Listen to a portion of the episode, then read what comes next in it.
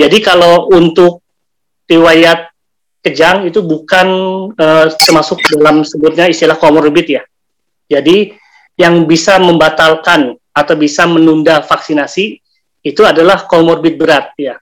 Dulu mungkin uh, Bapak Ibu pernah dengar bahwa yang akan divaksin tidak boleh mempunyai hipertensi antara tidak boleh lebih dari 140 per 90. Nah, sekarang teori mengatakan sudah berubah.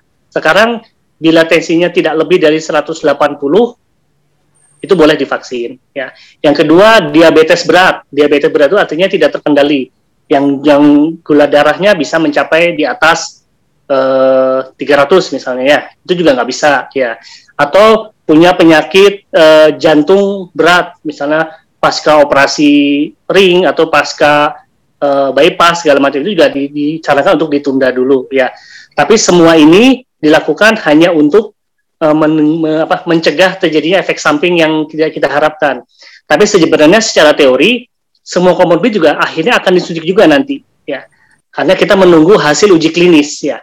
Contoh tadi yang saya sebutkan, uji klinis yang awal bahwa tensi berbahaya jika di atas 140 per 90 ya. Tetapi setelah uji klinis berjalan, ternyata yang 180 juga boleh. Gitu. Nah, hanya yang di atas 180 bagaimana? Sementara ini dipending dulu, ya. Artinya belum ada uji klinis yang mengatakan itu diperbolehkan, ya. Tapi intinya vaksin itu sebenarnya bisa untuk semua orang, baik ada komorbid atau tidak ada komorbid.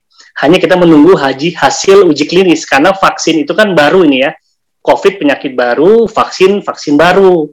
Jadi kita harus berjalan sesuai dengan uh, apa uh, kaedah dari ilmu pengetahuan. Jadi tidak boleh main sembarang suntik, main sembarang berikan tanpa melihat uji klinis yang akan terjadi pada uh, efek samping pada yang penerima vaksin. Ya, jadi mungkin kalau pertanyaan tadi tentang kejang, selama ini kejang aman, ya kejang itu tidak ada masalah, ya.